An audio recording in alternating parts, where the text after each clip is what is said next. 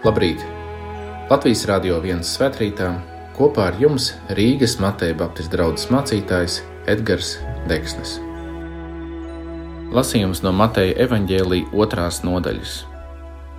Kad Jēzus bija piedzimis Betlēmē, Jūdas ķēniņa Hēroda laikā, redz gudra vīri no austrumu zemes atnāca uz Jeruzalem un sacīja: Kur ir jaunpiedzimušais jūdu ķēniņš, jo mēs viņa zvaigzni redzējām austrumu zemē un atnācām viņu pielūgt.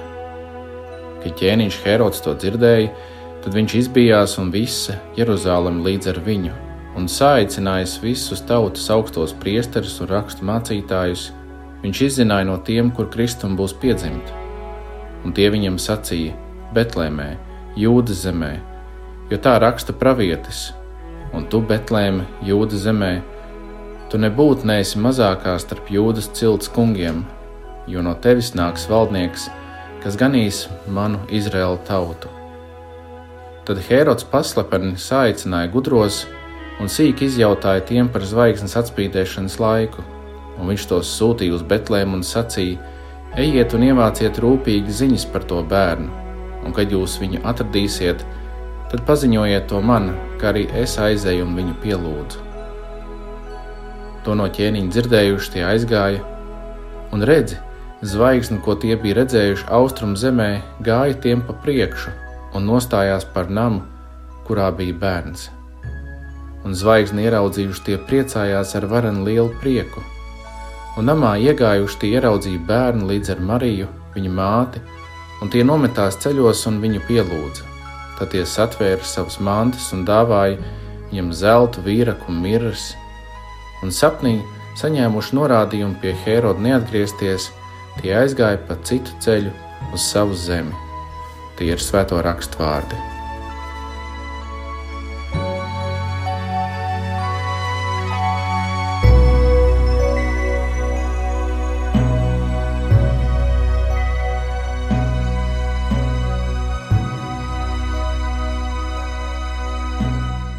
Janvāra sākumā draudzēs tiek svinēta Zvaigznes diena.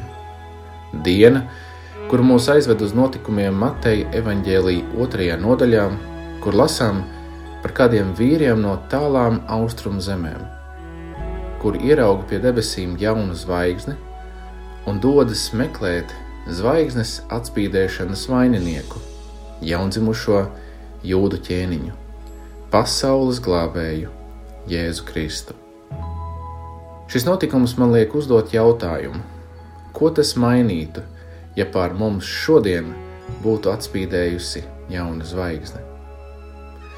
Iespējams, kāds atbildētu, ka tas itī neko nemainītu, ka mans skats ir vērsts uz lietām un notikumiem, kur nesniedzas augstāk par manu acu skatienu. Par kādām zvaigznēm tu runā? Man pietiek savas rūpes un raizes, arī savas uzvaras un veiksmes, un viss, kas saistīts ar mani un maniem līdzcilvēkiem. Man nav ne laiks, ne vēlēšanās, varbūt pat ne spēks domāt par kaut kādām zvaigznēm. Man pietiek ap mani esošo notikumu un izaicinājumu gūzma, un es tajā esmu iekritis tādā kā vāveres ritenī.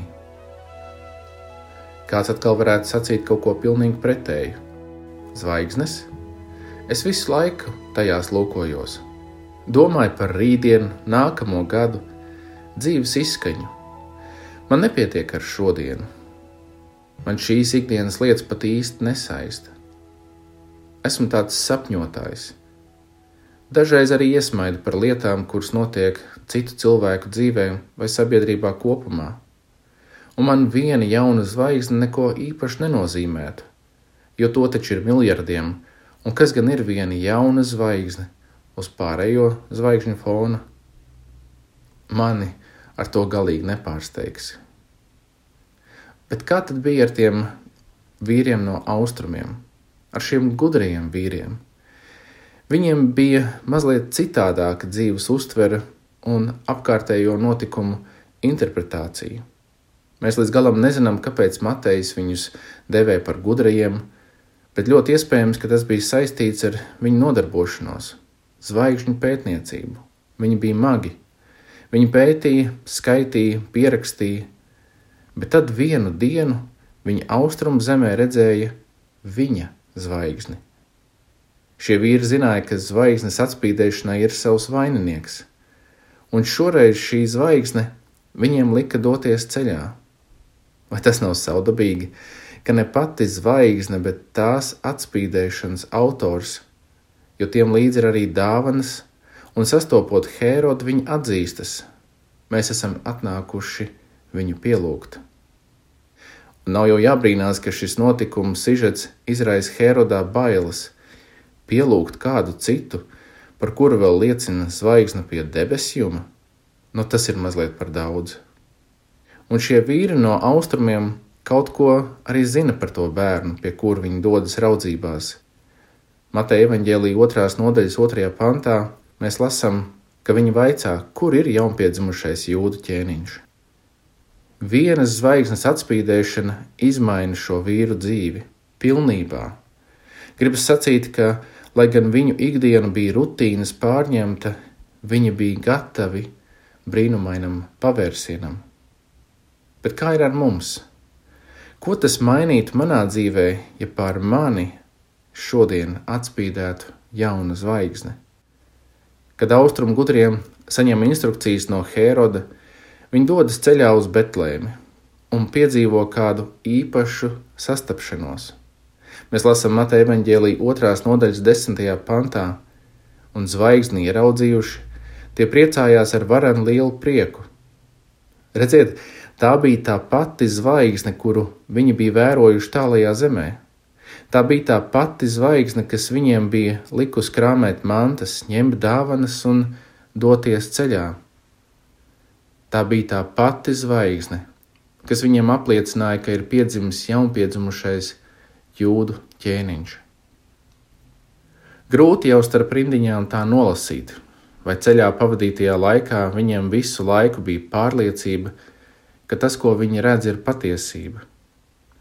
Pavisam noteikti, ka nonākot pie Heroda pilī un dzirdot augsto priesteru un rakstu mācītāju skaidrojumu, tas viņus iedrošināja turpināt ceļu. Un tad te Betlēmē par kādu namu notiek ilgi gaidītā satikšanās. Viņi ierauga viņa zvaigzni. Ja iepriekš domājām tā tēlaini, ka kādi uz augšu neskatās un ir pārņemti ar ikdienas lietām un notikumiem un pienākumiem, vai arī kādi to vien dara, kā skatās un domā un satraucas par rītdienu, par saviem vai citu nākotnes plāniem, tad austrumu gudro piemērs mums parāda tādu brīnuma piepildītu praksi. Un proti, daudz jau no mums domā, ka ir kaut kas lielāks par mums, kāds varenāks spēks. Bībele to atklāja un nosauc par dievu. Bet redziet, ne visi, kuri algs sastapties ar viņu, ir gatavi spērt soļus, lai pārbaudītu viņa eksistences patiesumu. Tas ir sava veida risks un uzdrīkstēšanās, un tur ir jābūt tādai gatavības stadijai un arī atsaucībai doties ceļā, lai viņu atrastu. Un tad jautājums, ko mēs darītu, ja pār mums būtu atspīdējusi jauna zvaigzne, liktos pavisam saprotams. Mēs dotos ceļā, mēs esam to gaidījuši, iespējams, pat visu mūžu. Bet ir kāds bet. Tā ir tā saucamā realitāte, kur atklāja, ka mēs jau patiesībā esam ceļā. Arī tie, kuri negaida zvaigznes parādīšanos vai ir pārņemti ar zvaigznēm, katrs jau kādu zvaigzni ir atradis. Cits par dzīves lielo zvaigzni uztver pats sevi, un tā arī dzīve tiek iekārtota, viss par mani, un lietām jānotiek tieši tā, kā es vēlos. Citam atkal zvaigzne ir kāds cits cilvēks, vai varbūt manta, vai vēl kas cits un tad visa dzīve tiek pakārtot tam, lai izpildītu visas šī cilvēka vēlēšanās, vai arī mantas gadījumā, sakrāt to tik daudz, ka šķūņos vairs nav vietas. Un tomēr šī rīta teksts mums atklāja kaut ko vairāk. Zvaigzni jau nebija austrumu gudro galamērķis. Viņi jau no paša sākuma, ieraugot šo zvaigzni, saprot, ka aiz tās burtiski stāv kāda persona, kāds bērns Un tad, nu, piedzīvojot šo atkal satikšanās prieku ar zvaigzni pār namu Betlēmē, viņi spēr soļus un dodas namā iekšā. Lūk, brīnuma piepildījums! Lūk, ilgu atrisinājums. Tur viņa sastopas bērnu kopā ar savu māti, un viņi metas ceļos un pielūdz Kristu. Viņi izdala līdzpaņemtās dāvanas un dodas atpakaļ uz savu zemi, izmainīti. Un tas man liek jautāt, ko mēs darītu, ja pār mums būtu atspīdējusi jauna zvaigzne? Vai mēs būtu pārsteigti par to? Varbūt ievāktu visu iespējamo informāciju par to. Varbūt mēs būtu pozīcijā, ka tā jau ir tikai viena no daudzajām visuma izplatījumā un neuztver to kaut kā īpaši. Šis stāsts mums atklāja, ka katrai zvaigznei ir savs stāsts, jeb savs iemesls. Un šīs zvaigznes atspīdēšana iezīmēja jauna ķēniņa nākšanu pasaulē. Un kamēr mēs esam pārņemti ar citām zvaigznēm, vai gluži pretēji negribam vērst savu skatu uz tām, tas nemaina faktu, ka ķēniņš ir nācis pasaulē, ka šī zvaigzne ir kā apliecinājums debesīs, ka Dievs ir ar mums. Bet šodien mēs tiekam aicināti uz kaut ko vairāk.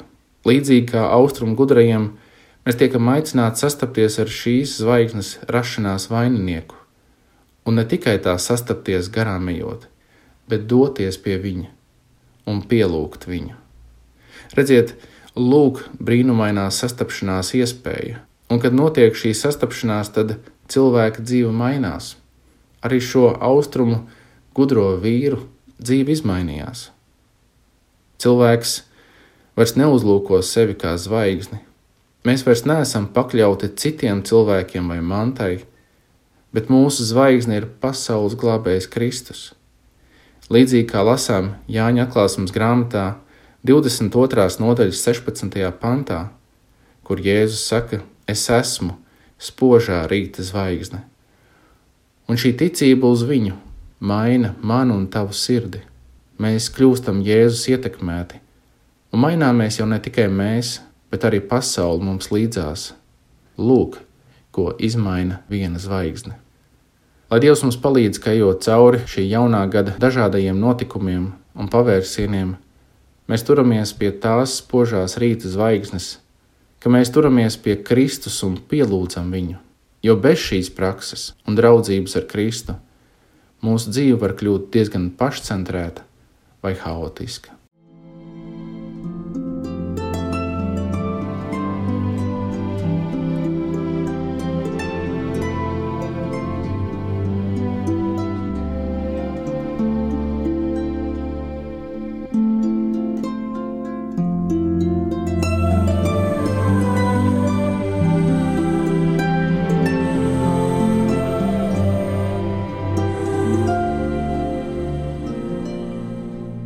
Lūksim Dievu!